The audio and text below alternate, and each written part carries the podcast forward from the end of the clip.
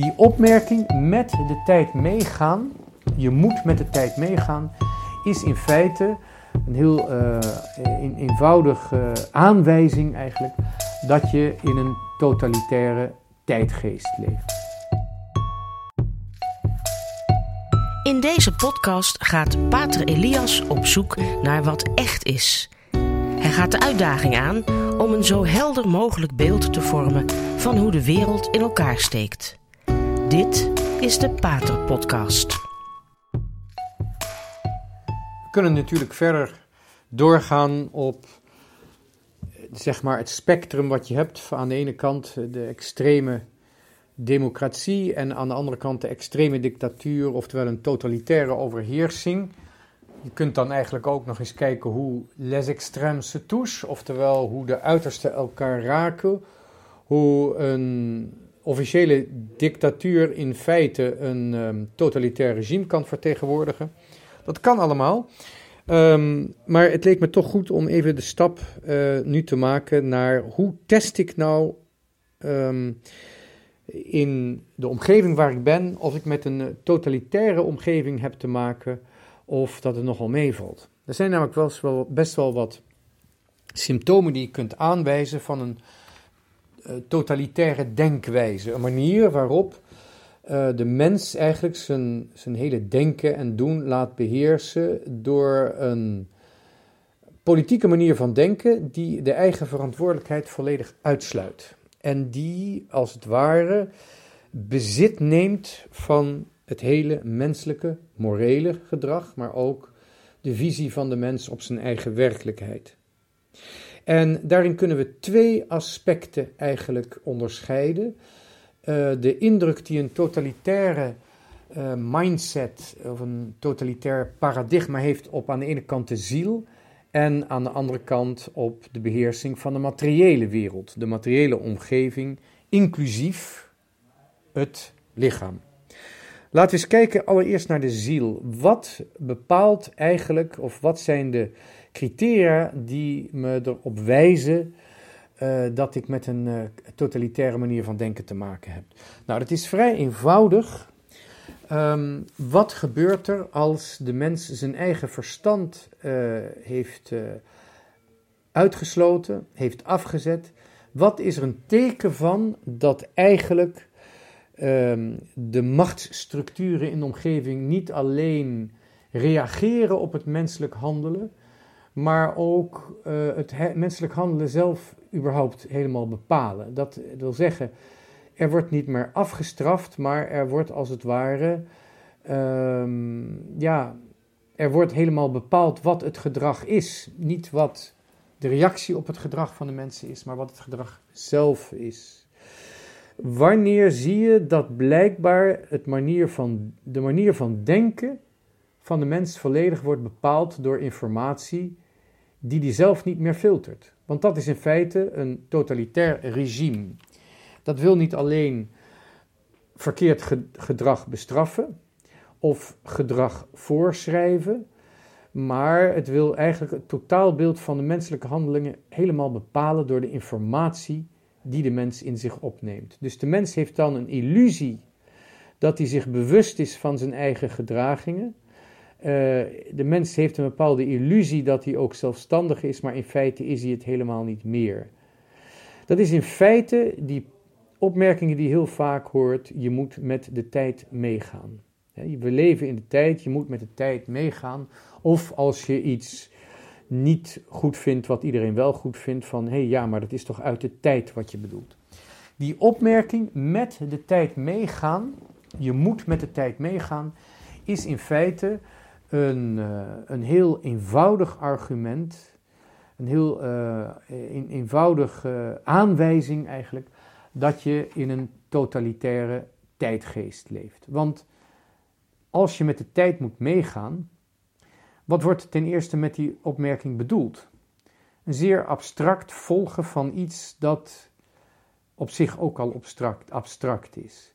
Je zou die opmerking, je moet met de tijd meegaan, die zou je ook kunnen uh, beantwoorden met de vraag, die in geen enkel uh, totalitair systeem beantwoord mag worden.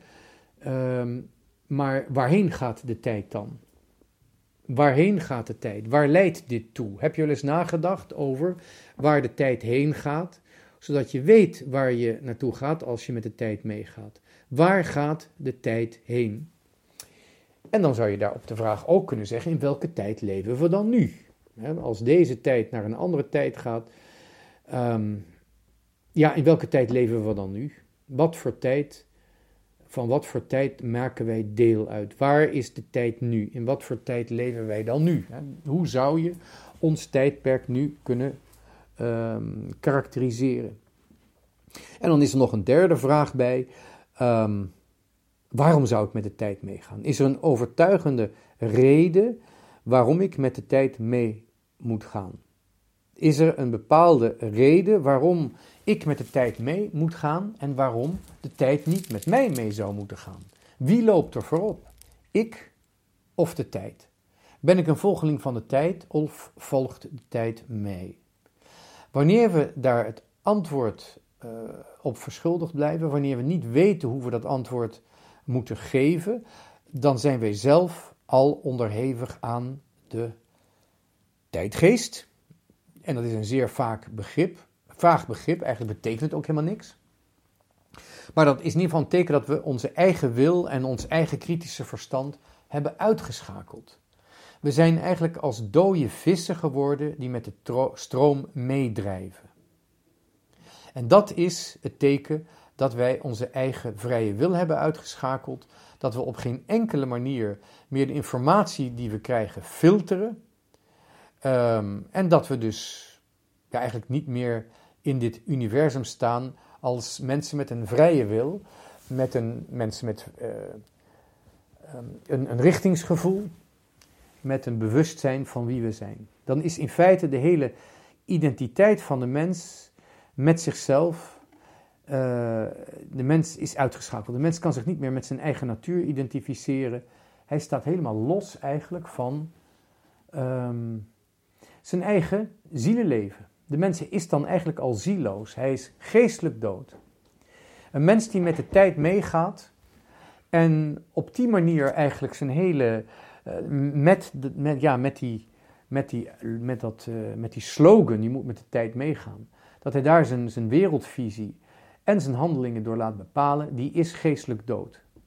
Dat is een dode vis die met de, dood die met de stroom meedrijft.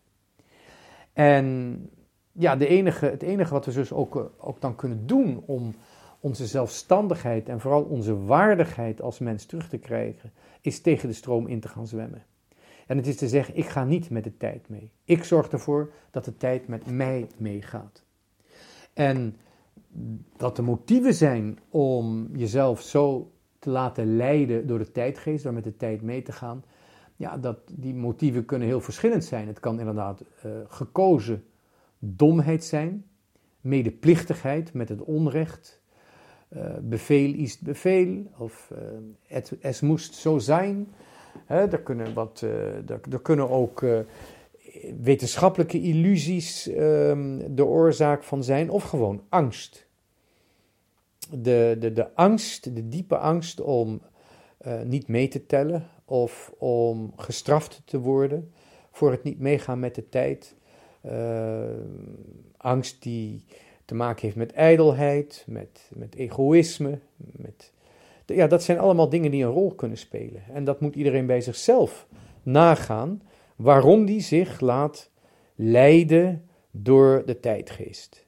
Waarom drijf je mee met de stroom? Waarom gebruik je die vinnen niet om tegen de stroom in te, in te zwemmen? Om te tonen dat je levend bent. Laten we niet vergeten dat de meeste vissen, om vruchtbaar te zijn, die moeten tegen de stroom in zwemmen. En vissen die meedrijven zijn niet alleen al zijn dood, maar die zijn ook waarschijnlijk nooit vruchtbaar geweest.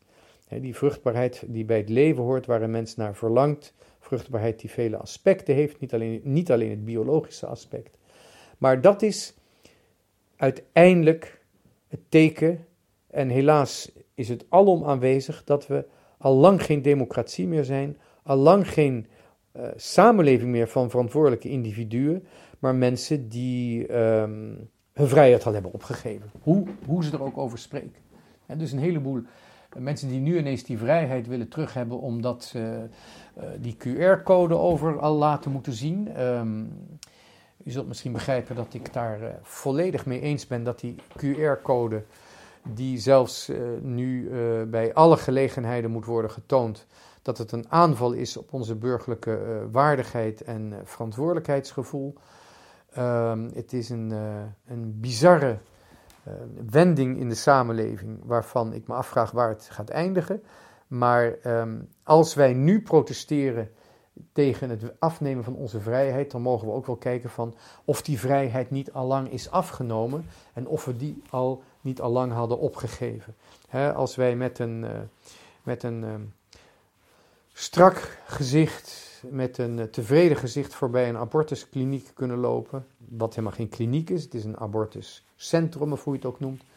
Als wij eh, toestaan dat abortus wordt gepleegd, ehm, als wij toestaan dat ongeboren kinderen door technische instrumenten uit elkaar worden gerukt, als wij, toes, als wij het ermee eens zijn dat onze kinderen al op kleuterleeftijd allerlei seksuele afwijkingen als normaal um, moeten aannemen op school. Um, ja, dan hebben we eigenlijk al die vrijheid niet meer gebruikt. En dan, dan is het niet zo gek dat die vrijheid tijdens een, een, een, de epidemie van een bepaalde ziekte ook wordt, wordt afgepakt. Als je die vrijheid niet gebruikt, raak je hem kwijt. En ik denk dat we die vrijheid al, al heel lang niet meer op een waardige manier hebben gebruikt. We zijn met de tijd meegegaan. Um, we kopen wat de reclame ons zegt, we geloven wat het Nationaal ons zegt en um, ja, voor de rest over uh, het leven na de dood of een onzichtbare wereld, daar hoeven we niet meer uh, over na te denken. Het is uh, mooi genoeg hier beneden. We leven in feite al, doordat iedereen met de tijd meegaat, leven we in een, in een wereld die richtingloos is. Um, dat is dus het aspect van het denken, van onze ziel. Maar er is ook, um, en dat is in feite al een beetje ter sprake gekomen, um, uitingen van uh, een totalitaire samenleving uh, en levensbeschouwing vanuit het beheersen van de materie. De mens denkt de materie en de materiële wereld volledig te kunnen beheersen. En dat zie je bijvoorbeeld inderdaad bij het beheersen van het virus. Um, waarin men uh, toch wel, natuurlijk zijn niet iedereen, maar vanuit de politiek de indruk wordt gewekt dat wij met kunstmatige ingrijpen in uh, het uh, weerbaarheidssysteem van de mens, de afweer, de natuurlijke afweer, eigenlijk een virus volledig uit de wereld konden helpen. Alles zou weer normaal worden als we gevaccineerd waren. Nou, dat blijkt dus niet zo te zijn. Ten eerste kun je die ziekte ook krijgen als je gevaccineerd bent. Eh, ten tweede blijkt er ook weer een booster nodig te zijn. En er komen varianten waar weer andere vaccinaties uh, voor nodig zijn. Ja, in feite is het een illusie dat wij de volledige materiële uh, werkelijkheid ten eerste kennen en daardoor ook kunnen domineren. En in dit geval op het gebied van de virussen en de ziekten. De, er zijn dodelijke ziekten waarvoor je laat inenten, zoals polio of, of andere dingen. Maar um, ja, überhaupt de griep, griepinjectie, die hebben ze al tientallen jaren proberen in te krijgen. En um, ja, dat het echt hielp is nooit op een zeer overtuigende uh, manier bewezen, behalve dan voor wat bepaalde risicogroepen. Um, maar de illusie dat we die materiële wereld, uh, wat betreft het menselijk lichaam en de ziektes helemaal kunnen beheersen, die bestaat eigenlijk ook al in het gevoel wat je krijgt dat vele mensen denken dat ze het recht hebben om gezond te zijn. En dat de overheid dat recht ook moet garanderen. Dat wil zeggen, de overheid moet alle ziektekosten vergoeden. Daarbij hoeven we geen rekening te houden met bepaalde levenswijzen, met roken of ongezond eten. Dat moet allemaal kunnen, want als ik ziek word, dan moet de overheid mijn ziekte bepalen. Dus daarin zie je ook dat die overheid, als het wordt, het, eh, die overheid heeft doet zelf in feite niets kwaads, maar die is het slaafje geworden in ons beeld van een uh, medische wetenschap die het hele leven moet kunnen uh, beheersen, omdat we denken dat we het hele leven begrijpen. En vandaar ook dat uit die onwijsheid in, uh, ja, de, de, de onwijsheid met betrekking op de menselijke vruchtbaarheid en de menselijke seksualiteit ook ineens de, de, wetenschap, de medische wetenschap, moet worden opgeëist om je identiteit te veranderen, om je uiterlijk te veranderen, om je geslachts te veranderen. En dat moet dan iedereen maar, iedereen maar gewoon aan meebetalen, of in ieder geval gedeeltelijk aan meebetalen. Um, dat beeld van een totale beheersing van het menselijk lichaam door een medische wetenschap Um, en ook door natuurlijk wat wordt genoemd vaak de vierde uh, industriële revolutie, het vervangen van menselijke organen en uh, onvolledigheden door de techniek. Daar een bepaald totaalbeeld van scheppen, ja, dat is ook eigenlijk een totale ideologie. En we zien dat nu met die medische wetenschap, of eigenlijk de, uh, ja, het projecteren van de techniek op het menselijk lichaam. Dus het menselijk lichaam zien als een grote, uh, grote technisch apparaat waaraan gesleuteld kan worden. Uh, nogmaals, er kan wel aan gesleuteld worden, maar als dat het totaalbeeld wordt op het menselijk lichaam, zonder dat daar de ziel of de vrije wil bij komt kijken, en waar is die vrije wil nou voor? Ja, dan heb je met een totalitaire visie te maken, die voortkomt uit de technische wetenschap. En dat hebben we natuurlijk al eerder gezien, um, bijvoorbeeld in het communisme. Het Marxisme heeft zichzelf gepresenteerd als een wetenschap, niet als een ideologie, niet als een soort van beweging die de mensheid uh, uh, rechtvaardig zal maken of zal helpen, een soort van morele uh, bewapening om de, de mensen recht te doen en het onrecht te bestrijden. Maar het Marxisme, wanneer je kijkt uh, precies zoals het gepresenteerd is in de Russische revolutie en in het internationale marxisme daarvoor, dan is dat ook een wetenschappelijke theorie. De geschiedenis moet zo lopen, want het is bewezen dat. Dus ook het marxisme gaf op een gegeven moment een totaal beeld op de menselijke werkelijkheid. De hele menselijkheid was niets meer dan een klassenstrijd in het productie- en het consumptieproces. En van daaruit moest de hele wereld, de hele mens en zijn hele morele leven en zijn geestelijk leven moest worden hervormd. In het nazisme, oftewel het nationaal socialisme, daar zie je ook weer een uh, duidelijke uh, wetenschappelijke theorie op de achtergrond. Merkwaardig een theorie uh, die nog steeds erg populair is, de evolutietheorie. He, dus de, de, de rassentheorie van het nazisme is in feite een, een ja, een variant van de evolutietheorie, ehm, het recht van het sterkste. En, en, het is ook niet zo verbazingwekkend dat het, het, Joodse volk daar een belangrijk slachtoffer van is geweest, omdat die als een vrij weerloze uh, minderheid leefde binnen uh, de, de, westelijke samenleving. En omdat ze uh, weerloos was, althans zich niet, niet actief fysiek verweerde, ja, was dat dus ook een, een groep die binnen de evolutietheorie en de eh, theorie van het recht van het sterkste ook geen plaats had. Dus die moet dan ook worden uitgeroeid, want het is een. Ja, het klopt niet. Het klopt niet met de natuur, het klopt niet met de wetenschap. Een volk dat niet voor zichzelf wil opkomen en altijd een beetje de underdog blijft. Ja, die zullen toch wel verdwijnen door de evolutietheorie. Dus we kunnen die evolutie, eh, die wetenschappelijke processen van de evolutie, kunnen we ook een handje helpen door de, door de Joden gewoon uit te moorden dus er, zit een, een hele sterke wetenschappelijke onderbouwing in, ook in de uitroeiing van de Joden. Ook al wordt daar op politiek maar, uh, niveau wordt er nog de angst en, en de haat wordt daarbij uh, bijgehaald. Maar de grondslag blijft in feite bepaalde uh, ja, wetenschappelijke principes. Nou, wanneer we dus vanuit een vermeende wetenschap een totaalbeeld uh, zien dat moet worden toegepast op de materiële werkelijkheid, ja, dan hebben we te maken met een totalitair regime. En die illusie dat we uh, ook het menselijk lichaam volledig kunnen kennen en daarom ook volledig kunnen beheersen, ja, dat is een, um, dat is een to totalitaire wereldvisie. Die op het ogenblik uh, bezig is uh, heel erg vat te krijgen op de mensen. Je ziet al dat als je zegt van ik heb me niet laten, laten vaccineren, ja, voordat je überhaupt uh, met, die, met uitleg daarvan komt, ben je eigenlijk al opgezet gezet als een freak.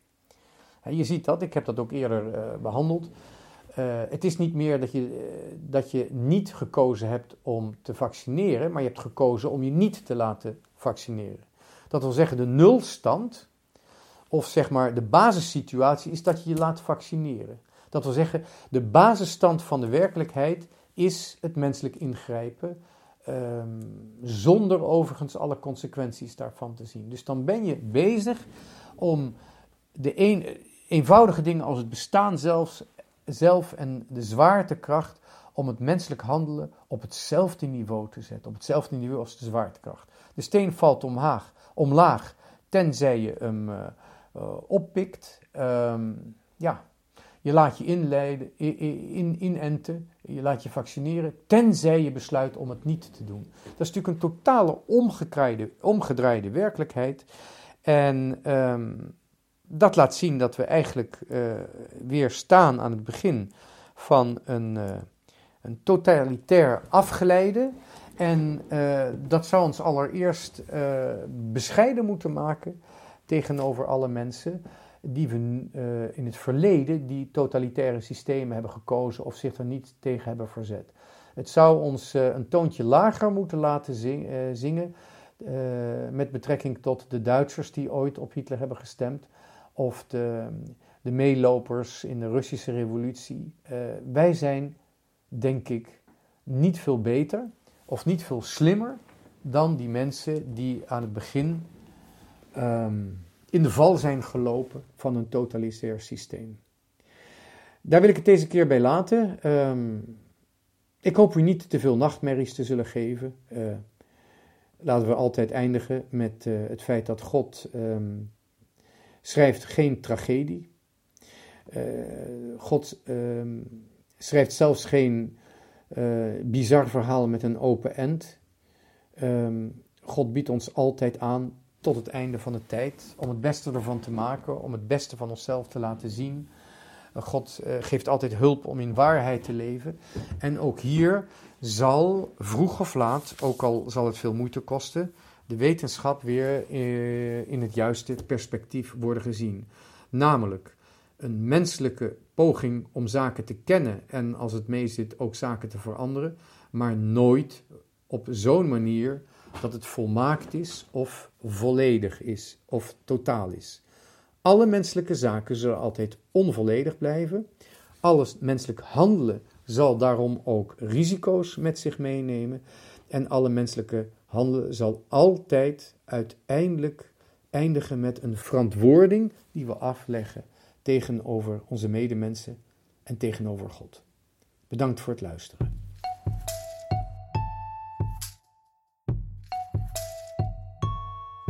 Dit was de Radio Maria Pater Podcast met Pater Elias.